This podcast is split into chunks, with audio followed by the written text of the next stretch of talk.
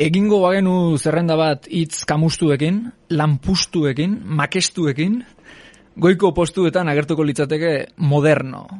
Ziur asko ez lehenbizikoa, ez da bigarrena ere, ze non bai sartu behar dira, egikaritu, saretu edo eta pairatu, baina podiumaren lehiatik gertu seguru, seguru baietz. Moderno, hauskatzen duzu, ebakitzen duzu, eta ia ez errez esatea bezala da. Eta badauka aldi berean berezko kutsu negatiboa, bestei jaurtitzeko egindakoa balitz bezala, moderno alaena, moderno zikinea hipsterrak, eusnobak eta tankerakoak ezagun egiten hasi aurretik zenbat aldiz erabiliko gote zen mespretsuz, noski. Zerresanik ez, herri humil honetan non nabarmenkeria, distinzio personala, baliorik aitzesgarrienen artean dagoen. Naiz eta gero, mundu guztia egon Instagramen, gu ere bai, bide batez. Abildua, basilika, barra baja, barra baja. B marra, gidoi basu, ez dakit nola esaten den. Jarrai gaitzazu. Baina bueno, ez gaitezen fundi, esandakoa, gaur sakonetan moderno. Horrela, bote prontoan, ez erronik ez. Edo agian bai?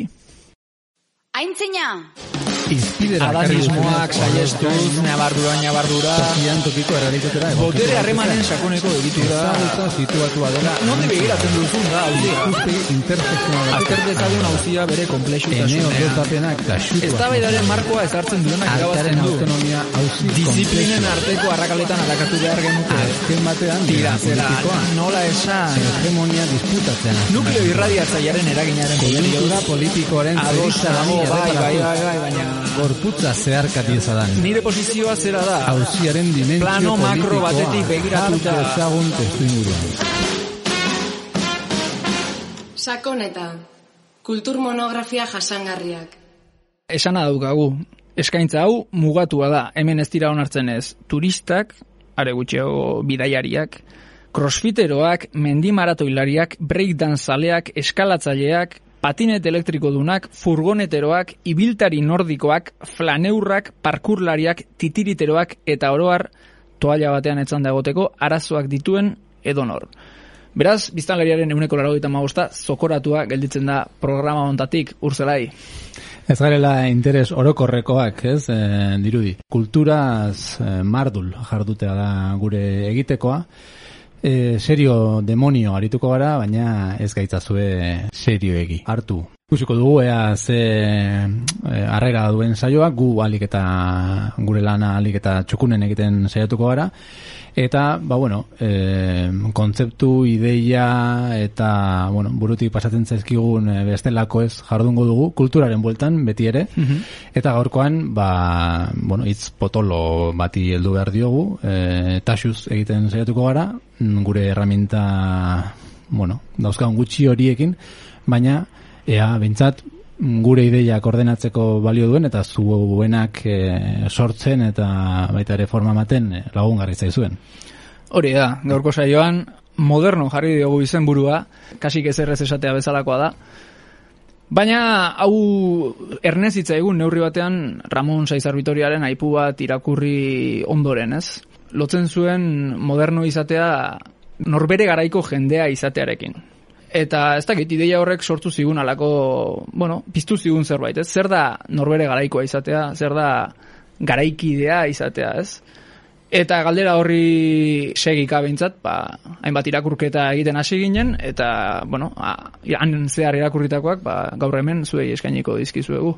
Bai, eta bueno, horretarako bidean, ba, hainbat testu bildu ditugu, eta, bueno, zuekin e, partekatu nahi ditugu, ba, bertan jasotako ideiak, eta, bueno, horietako bat, edo abia puntu hartuko dugunetako bat, ba, Ramon Saizar Vitoriaz gain, ba, beti atzerrira joateak, ba, katxea ematen duenez, ba, Giorgio Agambenenen testua da, Ba, berak, ba, bueno, sarrera moduan edo bere hitzaldi batzuetarako ondu zuen testu bat izan zen, eta bertan, ba, bueno, pixka bat afera honi heltzen zion, ez? Garaikidetasunari, zer den modernoa izatea, zer den berria, eta pixka kontzeptu horien bueltan, ba, bueno, ikuspegi filosofiko batetik, ba, hori- horiek lantzen edo e, osatzen saiatu zen, ez? Bai, gainera oso testu laburra da, irakurri nahi baduzu gero erreferentzietan hor jarriko dugu.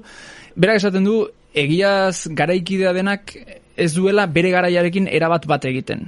Eta, beraz, zentzu hortan ez dela garaikoa. Baina, hain justu, anakronismo hortatik edo arrakala horretatik, e, desfase horretatik nahi balin bada, gainontzekoek baina hobeto ulertzen duela bere garaia. Hmm. Ideia iradokitzailea da eta heldu leku bezala ere balioko digu gaurko saioa osatzeko. Ez gure garaitik kanpo gauden e, jainko usteko batzu garela uste dugulako, baizik eta, ba bueno, esan bezala iradokitzailea zaigulako, ba bueno, ba, ga- gau, baita gaur egungo kulturari buruz e, aritzeko eta benetan berria zer den eta berritasuna zerkek hartzen duen, ba, bueno, ez gai interesgarria izan daitekelako, ez? Nolabait, garaitik kanpo egote horrek, ba, garaiaren testu inguru egokiago bat, edo irakurketa egokiago bat egiteko aukera emango baligu bezala, ez? Orduan, besteak beste saietuko gara ikusten, e, bueno, gure garaitik kanpo kokatzen eta irakurketa bat egiten, naiz eta jakin badakigun zai askoa dela hori egitea, ez? Bai, e, aganbenek esaten duena, gero ikusi dugunez, ba- oso bat dator, edo zentzu batean, gerora adornok edo gideborgek eh, esaten dituzten hainbat konturekin badatoz, ez? Egia da, zentzu horretan, ira, hainbat irakurketa, garaikidetasunari buruz egin ditugun hainbat irakurketarekin, konturatu garela, denak ere antzerako norabidean eh, apuntatzen dutela, ez? Bakoitzak bere izkerarekin, bakoitzak bere enfokearekin, baina baina, bueno, antzeko oihartzunak iritsi zaizkigu behintzat, handik eta, eta hemendik, ez? Egia da, eta ideia nagusietako bat, aganbenena ere hori da, ez? Benetan garaikidea denak, ez duela erabat bat egiten bere garaiarekin, eta kontrara, bere garaiarekin erabat bat egiten duena, garaia erabat besarkatzen duena, ezin dela garaikide izan, hain justu garaiaren zera horrek, argitasun erabateko hori besarkatzeak itxutuko balu bezala e, garaiaren ilunak ikusteko, ez? Bai, eta horrek ere, bueno, e, aukera ematen digu lotzeko ere, bori, lehen esan duguna, ez? Berritasuna, zer den berria izatea, e, pixka bat hemen adorno eta deborden e, kontzeptu hori mm, berri, sasi berria eta berriaren arteko desberdintza hori egiten dute bi autore hauek, ba, sasi berria dena, azken finan dela, garai horren menpe dagoen hori, eta berria benetan orden logiko eta espero daiteken garaiek eskatzen duten horri ies egiten dion hori, ez? Eta hauek, ba, ja, beste garai batean ere, ja, hortaz ari ziren, ez? Eta gaur egungo egoera kultural, soziopolitikoak eta bar, agian oraindik helduleku gehiago ematen digu horri buruz jarduteko. Bai, arteari buruzko eztabaidadetan klasiko bada berritasunari buruzkoa, ez? Aspalditik datorren galdera bat da hau, ez? Ea artean benetan posible den inolako berrikuntzarik ere, ez? Esango nuke, galdera handi horren aurrean behintzat hiru erantzun gutxienez e, egon direla, ez? Lehen bizikoa da, esatea, e, baietz, posible dela, eta eta kito, ez? Bigarren alitzateke esatea, ez ez, ez? Neurri batean, ja nolabait kapitalismo berantiar honetan e, merkatuaren logika sartu zaigula ez zurretaraino, eta ez dagoela berrikuntzarako zirrikiturik inun, Eta beraz, arteak ezin duela jokatu nolabait, e, adornok esaten duen, mundu administratuarekiko e, zera, kontrapuntu hori ezin duela arteak e, funtzio hori gehiago egin, eta eta punto, ez? Hori izateke, demagun po- posiziorik zinikoena, edo, bueno, ja ezer ezin da egin esango lukeen posizioa, ez? Eta gero tartean badago hirugarren posizio bat esango nuke.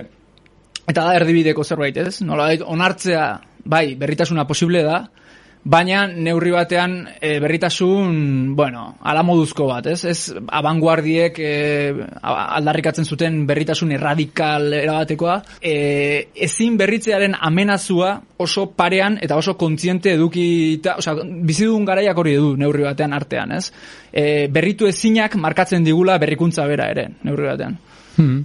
Bai, azken finean mm, berriaren e, gai honek bere, bere indarra eta bere interesa izan zezaken beste garai batzuetan ere, baina ezin daukatu, ba, gaur egun, e, ba, bueno, historiaren e, fase konkretu honetan edo, ez, ba, ba daukala beste dimensio bat e, hitzak berak eta baita, ba, hori, artearen ikuspegitik ez soilik, baizik eta baita politikaren ikuspegitik eta bar, berriarekiko nostalgia bat badagoela garai honen e, zera bada nolabait ezaugarrietako bat beste garai batzuetan ba, berriak itxututa ba, bizi zirelako edo berria zetorrenarekiko esperantza ba oso garaiaren e, isla zela gaur egun inundik inora esan ezin dezakegun zerbait, ez? Gaur egun mm, daukagunaren idortasunaren kontzientzia edo nostalgiaren artean mugitzen gara nolabait bai artean eta bai ba, esan bezala, beste bizitzako beste hainbat ikuspegitan, ez?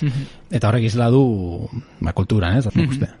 Bai, ez dakit, irudi batekin esateko, ez? Sentsazioa da e, parke tematiko batean gaudela kasi ez, eta parke tematiko horretan askotariko eskaintza daukagula, nahi eran ibili gaitezkera nahi ditugun zera guztietan, ez? Atrakzio edo zera guztietan, baina e, ez- e, ezin duguna da parke tematikotik kanpoko ezer egin, ez? Hori da, pixka bat sentsazioa. E, darabilgun idea hone guztiak pixka bat gogoratzen zidan e, Bauman, e, Sigmund Baumanek zioen gaur egun inoiz baino askeagoa garela, nola bait, baina e, e, e, ezin dezakegula mm, koska egin, ez? E, e, hortzak kamustuta bagenitu bezala, oza, edo zer gauza egiteko gai gara, baina benetan e, inongo eraldaketa erik ez egiteko baldintzarekin, ez? Aukera guztia dauzkago posible, baina ezin dezakegu oskarik egin, ez? Hori e, ez, ez du minik egiten, gure kritika horrek ez du ez da min egiteko gai, edo ez da zameatxu bat ezerrekiko, ez? bueno, ba, segi dezagun.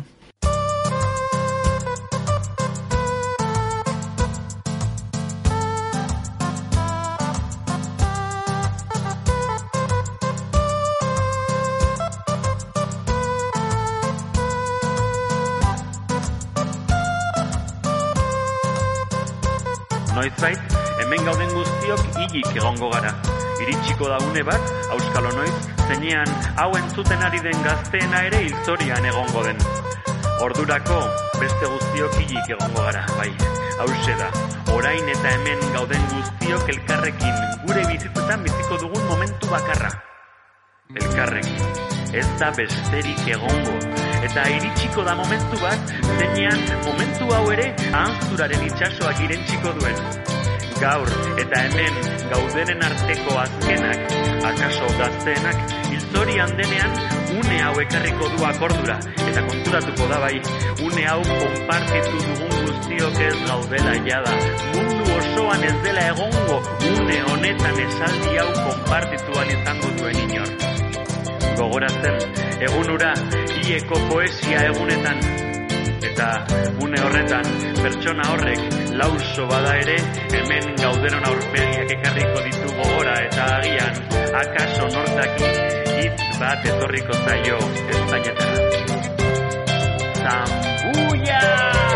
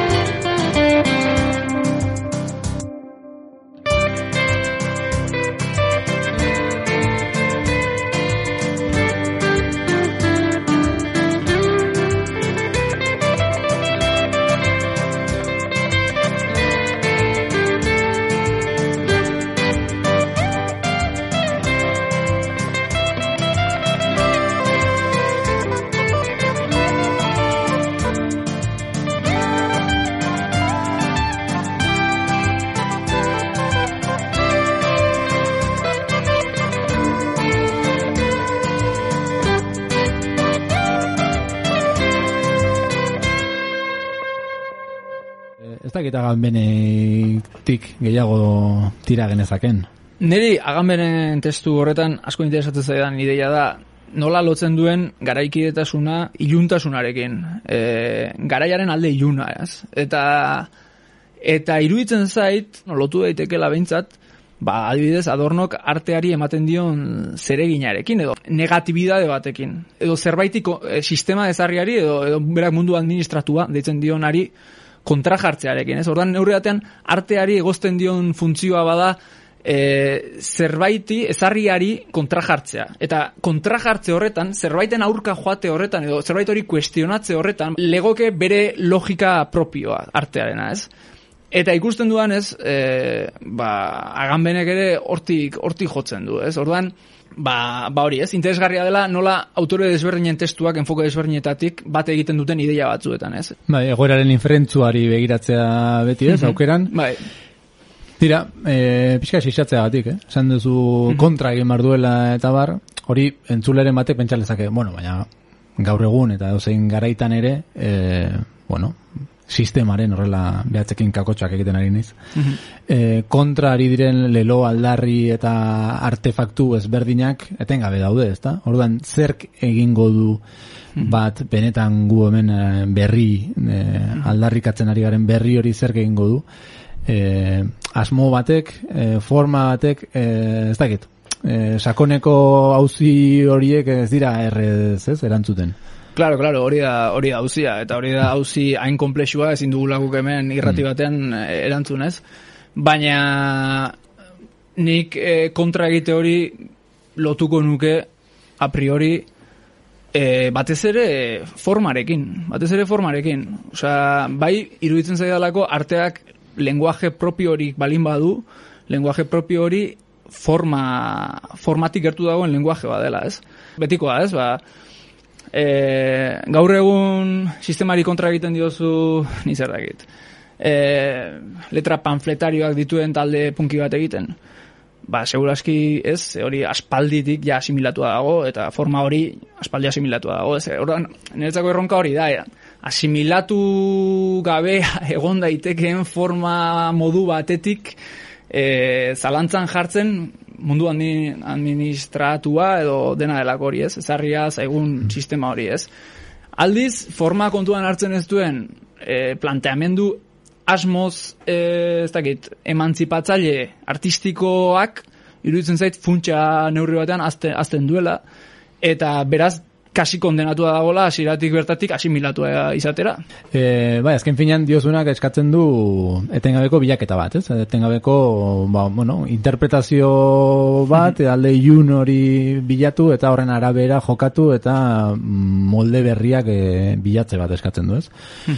ulertzen dut e, diozuna, eta gainera uste sakonean beti horrela jokatzen dudala, batez ere nire aukeraketatan, ez? Edo kultura, ke- kulturan ari naizenean zer kitzikatzen hauen eta zerren bila nabilen, ez? Eta konstienteik edo inkonstienteki beti horren bila ari naizela ni behintzat, eta hori dela forma berritzaile horiek direla benetan e, gaitasun hori dutena mm, eskemak hausteko eta gauza berriak sortzeko, ez?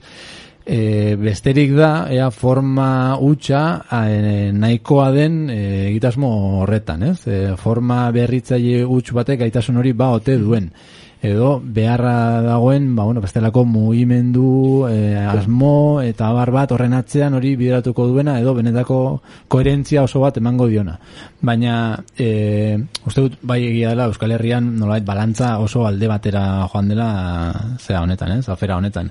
E, ba hori, edukiaren arabera epaitzeko edo joera, den gure txikitasuna, gure giro politikoa, gure historia eta barrak, baina uste dut, bueno, oso presente egon den eta dagoen zerbait dela, ez? Ni bakarrik bukatzeko esan nahi nuen gauza bat, e, aganbenen hitzalditik iruditzen zaidala, e, karo, berak garaikide aipatzen du, baina etengabe sujetuari lotu, lotzen dion ez eguarri dela, ez? Nola izan garaikide, baina norbanako bat balego bezala atzean, ez? Karo, iruditzen zai benetako erronka dela, e, obra baten garaikidetasuna gogoetatzea, ez? Alegia, obra bat nola, nola den garaikide eta ez hainbeste norbera, ez? No- Norbera garaikide izatea, ba, bueno.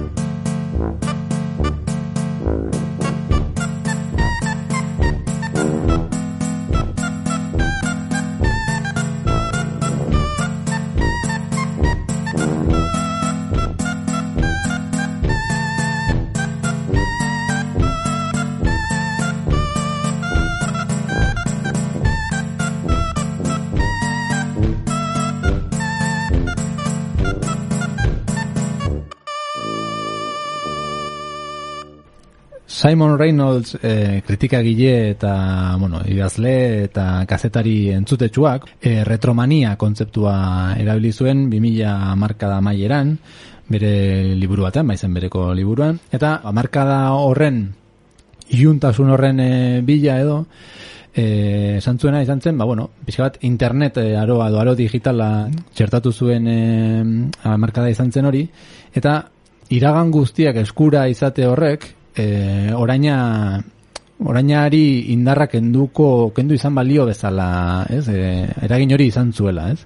60 markadako soula edo 70 rock progresiboa edo postpunka 80 markadakoa dena eskura izaten al horrek bai berri interpretaziorako, bai jolaserako aukera ematen zuela, baina antzutasun bat ematen ziola markada horri eta etzela izan gai e, ezer berririk sortzeko, ez? Eta pixka bat egoera horri detzen zion retromania, berak dio 2000 markada dela soinu konkreturi gabeko garaia, ez? Ez duela bere soinu identifikagarri bat, ez? Laro gai markari buruz hitz egiterakoan, zen dezakegu, punkari buruz, glamari buruz, edo ostakizarri buruz, e, punkari buruz, eta, eta barrez, e, laro eta margarrean, hip hopan, teknoan ez dakit, mm, badauzka, ez, amarkadako etxabako berezea, eta 2000koari gabezia hori ikusten zion, ez? Bai, e, garaiaren, zera ez, arima detektatzen saiatzen diren irakurketa guzti hauekin beti, ba ezpada, bueno, ondo daude neurri batean, ez? Eta balio izaten dute pista batzuk emateko pautak e, zera ez, detektatzeko eta eta analisirako askotan inspiragarri suerta daitezke, Baina, erabat besarkatzea ere arriskutsu suerta daiteke tarteka, ez? Azken batean, oraindik gertatzen ari den garai bada, eta eta jakintzazu oraindik e, ba, hau zer, zer izaten ari den, ez? Baina bai, bai, edo nola ere, uste dut analizi orokorra horti dijoala, ez? E, gero bestea da, arteari eta musikari eta kulturari dagokionen oroar beti testu inguru zehatzak ere garrantzi handia izaten duela, ez? Eta ez nire nintzen hemengo kasuan pentsatzen, ez? Eta hemen auki dugu neurri batean gure retromania propioa, ez? Beti izaten dena, ez? Laroiko marka da beste. Hmm. Iraunduena urte pila batean, naiz eta gero itzaletik bestelako, ba, beti sortu diren bestelako korronteak eta barrez. E, bai, ezakit, ezakit. Testu inguruaren arabera iruditzen zait asko aldatzen direla gauza hauek eta neri kosta egiten zait analisi global orokor bat botatzea gauza hauen inguruan, ez? Bai, nik ezin bestean alako eh, aportazioak eta bar beti hartzen ditut eh, hori iradokitzaile diren einean, ez? Esan ditut, uste dut retromania kontzeptuak eta Reynoldsen eh, aportazioak eh, egiaren zati bat eh, mai gainean jartzen duela, ez? Ni ez nizari esaten e, garaia definitzeko gai denik, ez? Halako deskribapen bat, baina bai, e, bueno, baduela gaitasun hori pixka bat Ba, bueno, gertatzen ari diren gauza batzuei behintzat, e, bueno, mm, hobeto ulertzeko e, lagungarria dela bai kontzeptua eta baita bere lanketa hori guztia, ez? Alare, Mark Fisher izeneko beste autore batek, e, beste liburu bat e, argitaratu zuen, naiz eta garai bere txukoa den, agian amarkada berri honi buruz pista asko ematen dizkigula, ez? Mark Fisher, e, orain dela bi urte, ba, bere, bere buruaz beste egindako e, autore bada, baita ere kultura ari buruz e, asko jazten zuena, Eta Mark Fisherak zera bien errealismo kapitalista izeneko kontzeptua, ez? Eta errealismo kapitalista hori kontra jartzen zuen egin batean, bai posmodernismo maiztu hori eta baitare neoliberalismoari, norbait askotan nazten direlako gauza guztiak, ez? Eta Simon Reynoldsena, baina oraindik etxigarriagoa da, nolait bere analizia, ez? E, ez da soilik erretromanian gaudela, baizik eta beak egiten du uste dut negozioen eh, ontologia ati buruz. Ikus molde e, konkretu e, errealismo kapitalista daitzen dion baten e, onarpen erabatekoaren garaian bizi garela, eta horrek erabateko antzutasuna dakarrela e, baita kulturan ere, ez? Osea, ez garela e, ezer irudikatzeko gai e, mhm. daukagun eskema hauetatik hauen e, gaindi, ez? Mm hor, errealismo kapitalista liburuaren hasieran bertan aipatzen du e, Children of Men e, izeneko liburua, barkatu, liburu bada berez, baina bueno, filmari buruz e, ari da bere obran. E, bertan, nola, distopia moduko bat planteatzen da, non balizko 2008 horretarako e, emezortzi urtez jada gizadia antzua da, ez? Ez da e, gizaki gehiago sortzeko gai. Eta pixka bat, erailtzen du, e, figura hori azaltzeko bere ustez nola gauden, ez? Berriarekiko bai goze bat, baina bai ezintasun horren onarpen bat. Ja ez da Reynoldsen soilik, ba, retromanian gaude, baina jolas hori mm, ba, divertigarria izan daiteke bere horretan, baina da, e, planteatzen du, ea, generazio batek, o belaunaldi batek, zenbat iraun dezaken ezer berririk gabe. Idorretasun eta antzutasun erabatekoa den e, egoera bat. Ezaidan larru bizi, non dituan ikusi, liliak iesi. Galdetu iparaizeari, zeren beldura izeni, oraino ez baiz hasi. Egun sentiko intza, lorele horren printza, nolatan ezaiz mintza. Kantu audio topari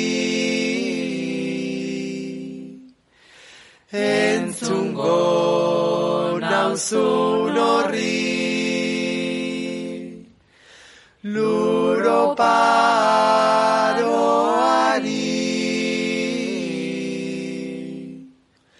Lai larai, larai, larai, lai larai, larai, larai, lai larai, larai,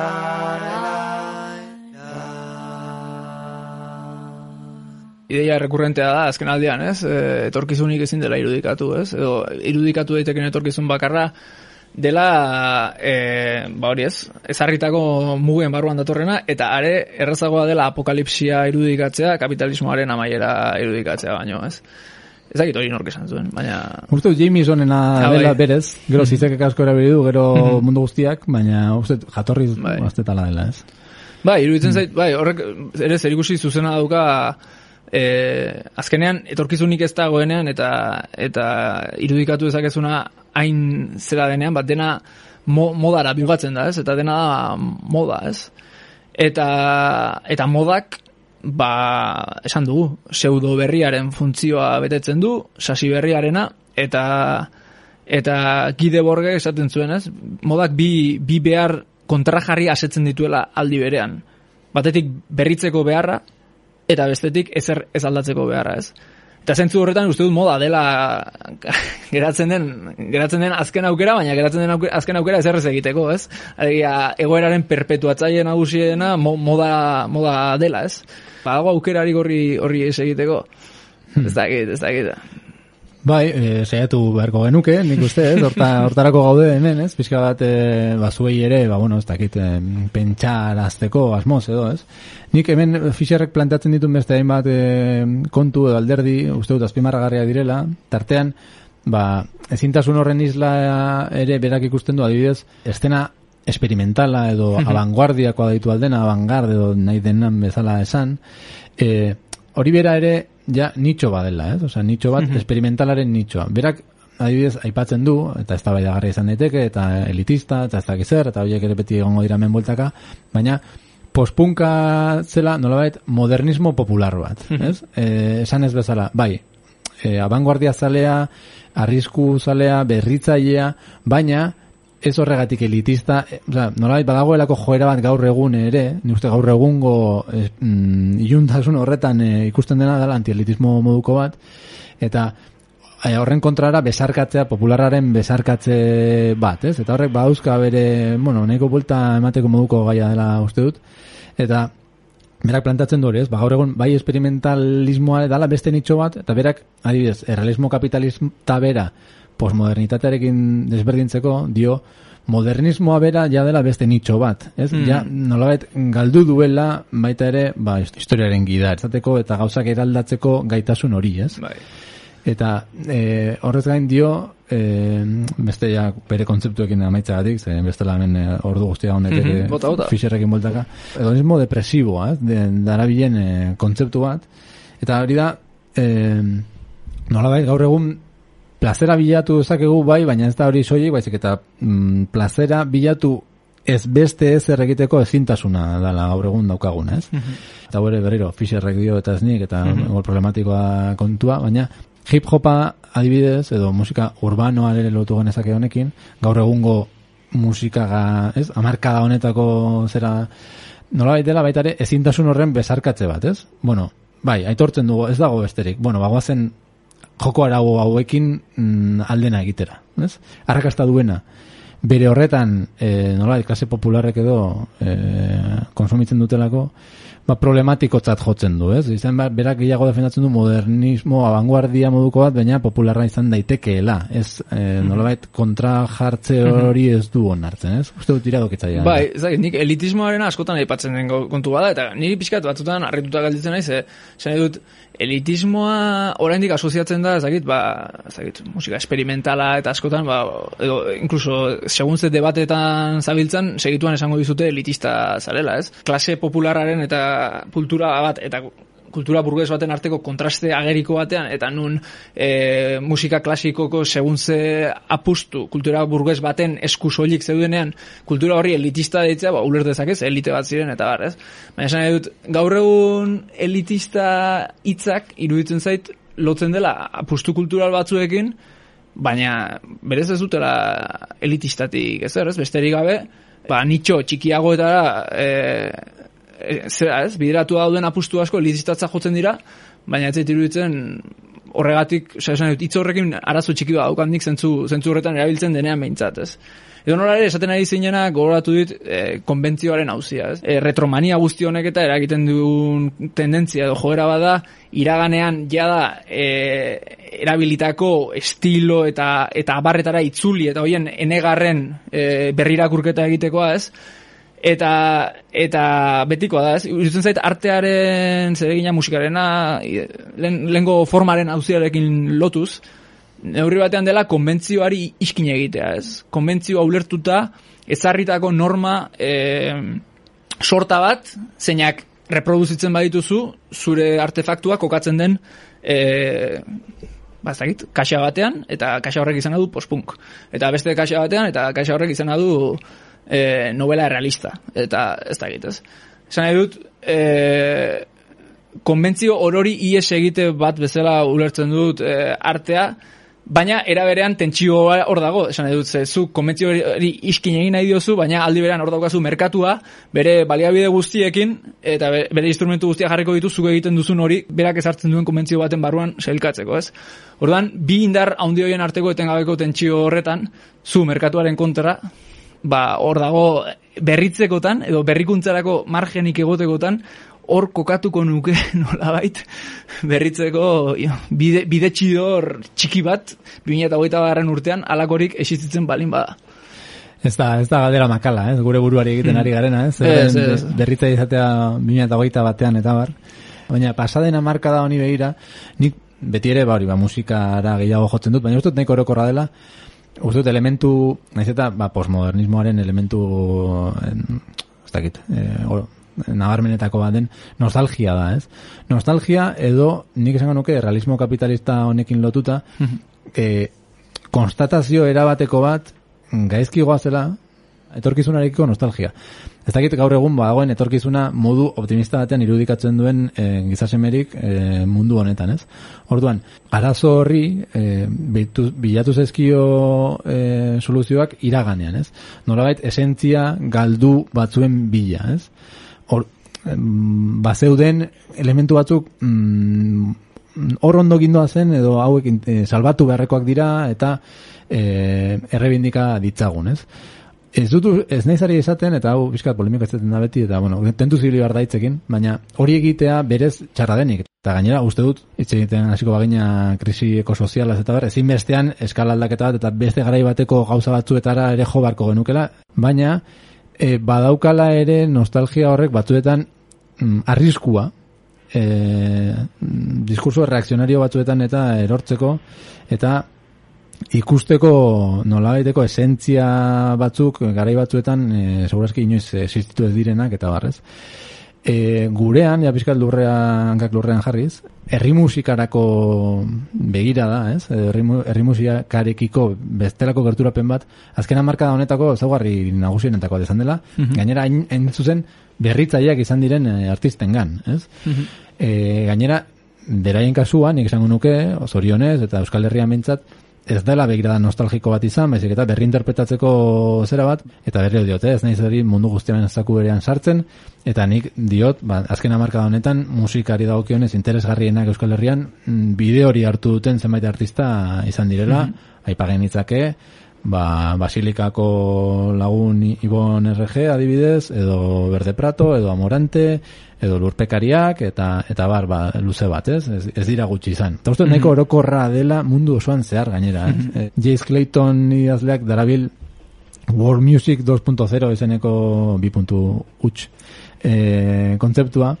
E, nola gaur egun mm, mundu digital honetan berria sortu den e, zerbait buruz hitz egiteko, dala, herri musiken berri interpretazio bat, ni uste mundu guztian gertatu dena, e, eta oso interesgarria izan dena, ez? Baina hori dago alde batetik eta bestetik batez ere etorkizunen begira eta gure garai honi begira nik uste badagoela galdutako esentzien e, kiko miresmen batek hori airean badagoela.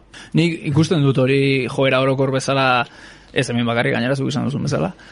Baina bestalde, zalantza sortzen zait, e, ea hori gauza berria haute den. Ze, joaten zara iruroiko amarkadara, eta ni zer dakit, zoka mairu batek, edo Mikel Aboa batek, edo Lourdes batek, ezakit, horiek ere, tradizioaren berrikuntza, beraien ere, eguneroko giazan, eta beraien apustu estetikoaren zentroetako bat ere hori zen beste beste, ez? Eta, eta ez dakit, ez dakit, e, kosta egiten zait, lehen zen dizudan, niri kosta egiten zait, joera orokor e, erabatekoak e, aipatzea, naiz eta e, tradizioaren berreskuratze hori joera orokor baden, baina gero artistaren arabera eta norbanakoan bakoitzaren arabera iruditzen zait horrek ematen duen emaitza erabat diferentea izan daitekela, ez? Eta bat eroriko dela nostalgian eta beste bat ez. Eta batek lortuko duela hortik berritzaile izan daiteken zerbaitetara gerturatzea, eta beste batek eroriko dela klixe bat e, ba, bere horretan zeratzean, ez? Eske kasu bakoitzan horrek ematen duen emaitza desberdina, desberdina izango da, ez? Ta askotan badukat sentsazioa brotxa analisi hauetan brotxa lodiarekin ibiltzen garela eta jartzen ditugula zaku berean elkarren emaitzak aztertuko bagen ditu zer ikusi gutxi daukaten e, artistak sartzen ditugula mani zer daki neokostrumbismoaren barruan edo zeraren barruan Eta gero jarriko agina benetan zera pintzel finarekin marrazten, ba ikusiko genuke segurazki bi apustu oso oso desberdin egiten dituztela batak eta besteak, ez?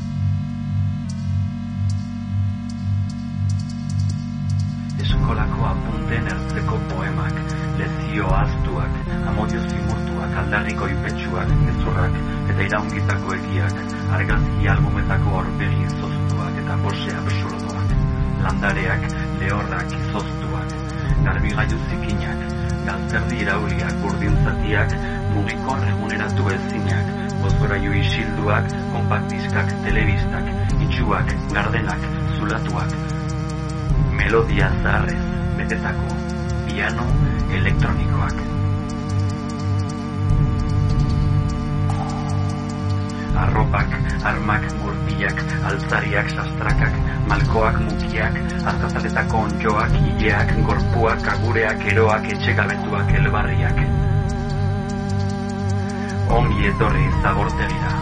Zabor makina bat naiz, hemen eta orain, ondakinak sortzen darraiz, dena izango da zabor noizbait, iraungarri, iraingarri, jasan ezin.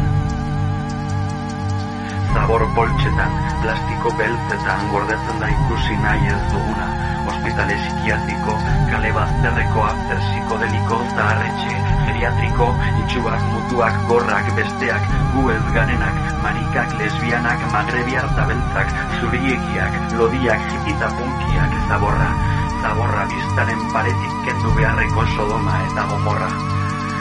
Zabortegia, zulo nahasia alde batera utzitako ametxen anestesia beinta berriz zapaltzen pilatzen dira minak, grinak, gabeziak, usteak, dudak eta malko gaziak. Zaborra bezain zaborra diren, xixare, kakalardo eta bareek ireintxita eraldatua. Berriz ere hori lurrean landatua. Ernaltzen da zaborra, sustraiak takimuak ditu zabortegian, berriz azten da, bizirauten gaitu, gure begiradatik aratago, baita erraustegien sugarretan, tximinietako ke grisetan, biriketan, arnaz estuetan, minbizi baten promesan, asperen honetan.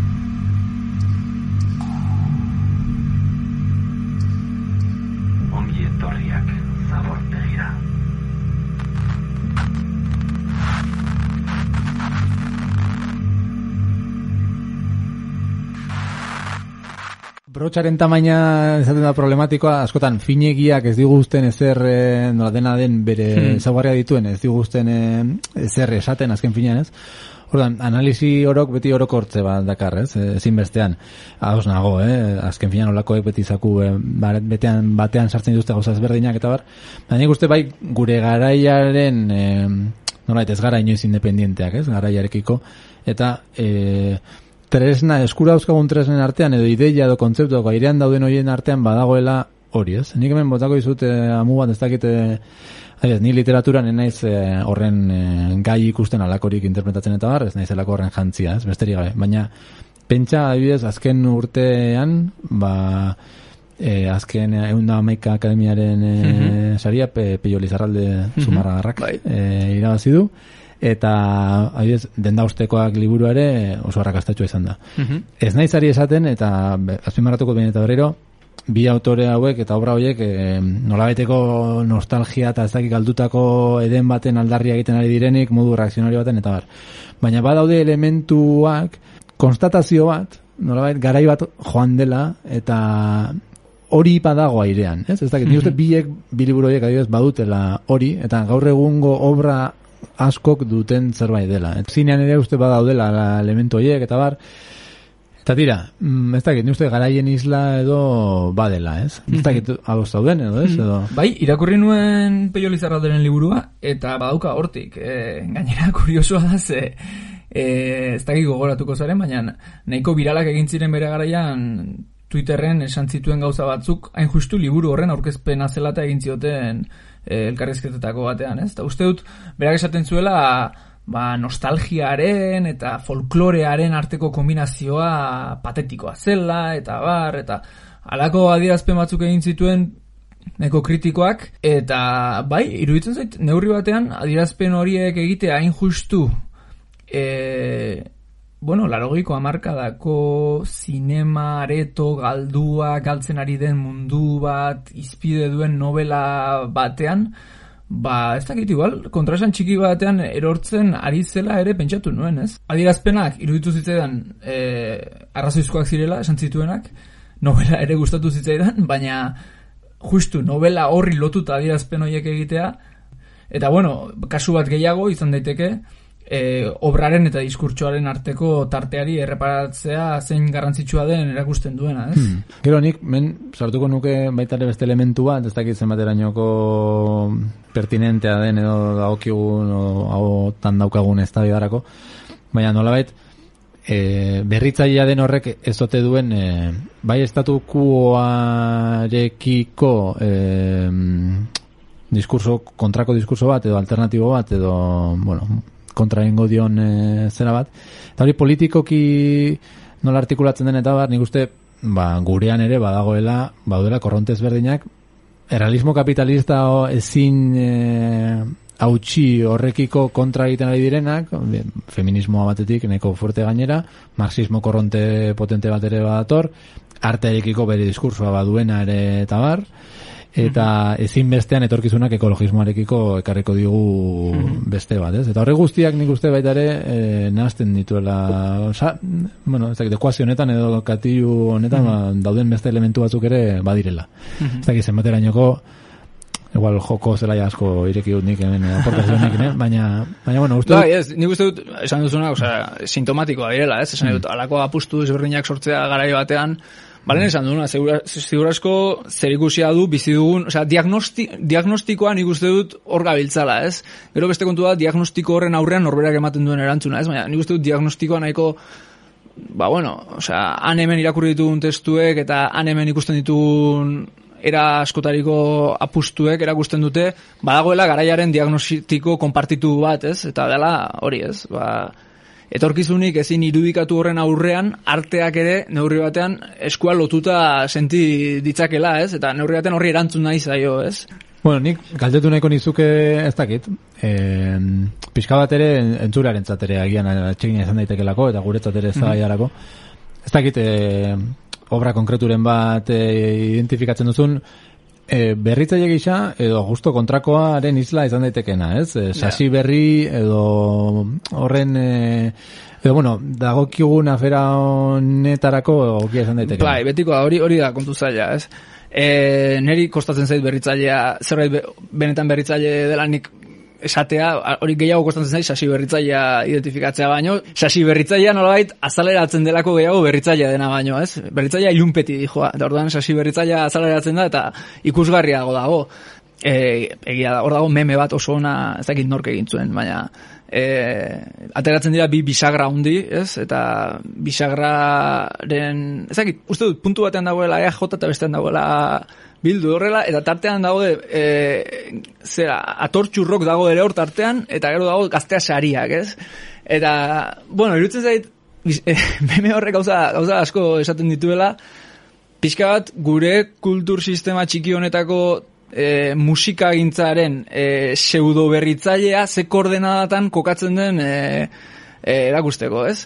Talde guzti horiek neurri batean atortxurroken kapital simbolikoa e, atortxurroken irabazi, baina gero gaztea bezalako irrati formula batean e, jartzeko adinako e, bueno, ap, ba, apustu formala egin, horrek esan nahi duen guztiarekin, ez? Horrek esan nahi du, ba, bueno, neurri batean merkatuak e, ezarritako formetara men egiten duzula, jakina denez, publiko horretara bideratutako irrati, irratia da hori, ez? Beraz, ba, iruditzen zait, koordenada horietan kokatzen diren taldeak oso erraz daudela pseudo berritzailetzat hartzeko neurri horretan erabiltzen duten lenguaia bera merkatuaren lenguaiatik gertu dagoena delako, ez? Eta, eta bueno, iruditzen zait, ba, ez direla gutxi, eta ez direla gutxi izan, eta nolabait eroso daudenak, ez? Bisagraen bi punta horietan, eta hor dago, ez? Es, letra erdi esplizituki politikoak egin, eta horrekin aldarrikapenaren kuota txiki batekin publiko bat zure ganatu, eta aldi berean musika forma, formalki erabat komertzial batera errenditu, eta ordan formetan oso oso gar, gar, pseudo berritzailea, nahi bada, eta letretan gainera e, puntu aldarrikatzaile justuko bat, nahiko ambigua ondo e, moldatzeko, eta horien arteko kombinaketak batean emango balu bezala, emaitza magiko bat, e, kokatzen zaituena nolabait, ba, entzunaldi desente dituen toki batean, ez, ba, ez dakit. Nik hor gutxi gora bera eta agroso modo esan da, bai identifikatzen dut pseudo berriaren nitxo, nitxo bat hemen gertu xamar. Ez dakitzuk. Hmm. Niri, eh, nik gogo asko dauzkat beste hamar urte bizitzeko berez, baina baita ere urrengo markadak zer e, karriko digun zentzu honetan e, ikusteko. Ez ni uste baita ere formula horrek ez dakit zenbat iraungo duen. E, ez dakit agortze bidean ez dute dagoen, agortuta ja ez dagoen. Gero hor dago meloi bat, ez dakit e, orain ireki beharko genuken, edo saio bat hortara dedikatu, ze ba, dago talde gazte bat, Iruñerriakoa, non e, bueno, mundu guztiak proiektatu dituen bere zera guztiak, eh, eta guk ere proiektatu alko genituzke gureak, ba, Chill Mafia Gate de, delakoarekin, ez?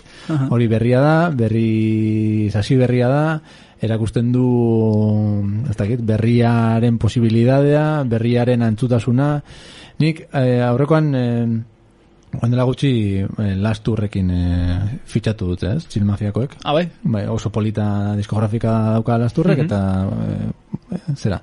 Egon nintzen pentsatzen ez nuen egin azkenean ariketa, baina eh, noiz publikatu zen eh, bideoklipa, eh, leteren bertsioekin, eta noiz bukatu duten gaztean eta lasturren eta nola dagoen dena batera, nola bait e, komentatu ditugun gauza guztiak e, batuz, ez? Nola bait iragan guztiak batera, batera daude, posibilidade guztiak batera daude, baina zein denbora gutxian galdu duen koska egiteko gaitasuna bila betean.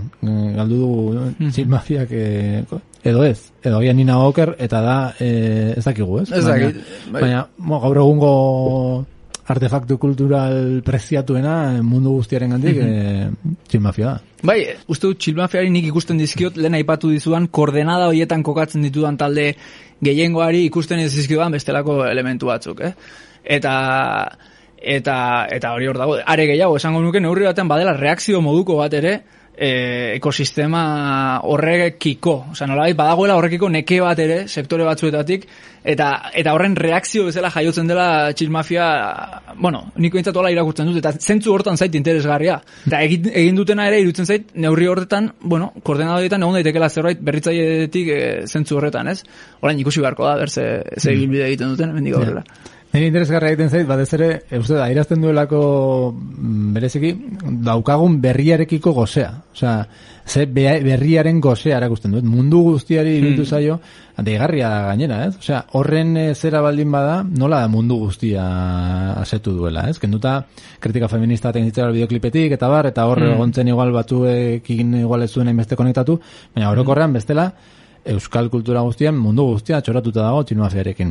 Lastur, EHZ-tan konfirmatu berriak, gaztetxeak, Bai. eta espektro osoa, ez? Orduan da, berriarekiko gure gozea, eta justu hain ju- justu ez ote duen erakutsiko, mm, berriarekiko e, ze ze bilbide gutxi duen be- berriak gure kontekstu historiko konkretu honetan. Bai, ezakit, ikusten hori badago, eh? Euskal zera honetan, badirudi deno gaudela zai, ez? E, bueno, e, besarkatzeko itxu-itxuan, itxu-itxuan berridasuna, ez? Eta eta kuriosoa izan zen nola txilmafia aferan ere Twitterren lertu zen horretan ere, nola batzuk, ez? E, lehendabiziko egunean itxuki besarkatzen zuten eta handi bi egunera itxuki gorrotatzen zuten, ez? Pasazien zerutin infernura bi egunetan. E, eta seguro aski, pues, afera da, ez zutela hain zeruan egon behar, eta ez da infernuan ere, ez? Baina badukagu bai, e, betikoa, ez? Badirudi, ba hori, badago goze bat hor, e, ez dakit, berri, berria izango den hori, denak horren zai egongo balira bezala, ez? Bueno, agian eh, saio berriaren zain egon beharko duzue, ez? Eh, honi, Bai. ez dakit, garapen bat izateko ez da honek, edo, ez genuen, ez kepak ez nik espero hemen txilmafiari buruz hitz egiten amaitzea, Ez? baina ala, ala bukatu dugu. Bai, e, berritasunari buruz e, hitz egiten hasi gara, Ramon Seizauritoriaren aipu batetik abiatu gara, garaikide izateari buruz e, gogoetatu dugu, zer den garaikide izatea, zer den berritzaile izatea, zer den pseudo berritzaile izatea, e, autore pedanteak zitatu ditugu komplexu askorik gabe, Baina entzuleok sakonetan zaudete eta sakonetan legeak goie dira. Beste beste hortara etortzen garelako, ez pedantearen egitera barkatu, baizik eta, ba bueno, gure irakurketak ordenatzera eta gure burua pixka bat ordenatzera. Urzelai agurtuko gara edo Bai, gaurko nahikoa, urrengoan beste afera totxoren batekin itzuliko gara, ez dakigu guk ere zein izango den, eta baina ez dakigu noiz etorriko garen ere. Hori da, hori da. Entzuleok ezaztu hau e, sakoneta da, eta sakoneta basilika ekimenaren zati da, basilikako gainontzeko programak ere entzun gai dituzue gure kanalean, gure webgunean, iBoxen, Spotifyn eta antzerako bestelako plataformetan ere hor gaude. Eta, eta benetan gomendatzen dizuet, batez ere beste programak entzutea, ze hor dituzue beste beste lurrola izolak eta Jon Euriartek Fenix Ragatza izeneko zinema programa egiten dute, irati urrestarazuk eta satxa jauregik berdela egiten dute, eta okelako erakusketen aitzakian aritzen dira izketan, Beñatzara solak eta gorka berezi hartuak berriz, Zelanda berrian literaturgaia dituzte izpide, Pablo Martek sektor konfliktibo izeneko saioa egiten du eta arteari buruz hariko da, bera bakarrik. Eta azkenik gu hemen, sakonetan, ba, Jon Urzelai eta biok hausi izan da gaurkoa, Jon? Plazer bat. Bai, eta zuei esateko daukagun gauza bakarra da, guk irakurri ditugula Juan Luis Zabalaren eta Xabier Mendigurenen liburuak, ikusi ditugula hango aitz zorrotzen irudiak, kontatu dizkigutela aitzarte haietako gertakizun ilunak ere, baina egiaz ez garela inoiz izan sakonetan. Horixe zen gure sekretua, orain badakizue. Urrengoan gehiago, hemen sakonetan edo bueno, ulertzen didazue. Sakoneta ez den sakoneta honetan.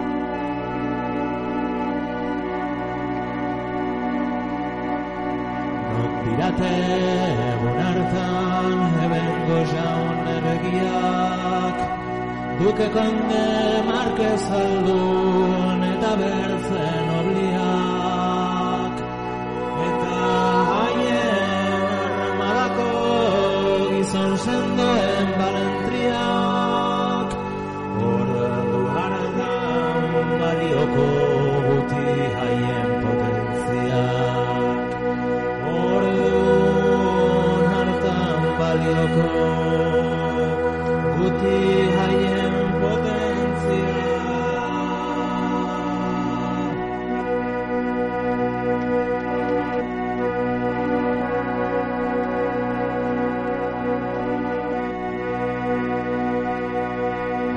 teologo,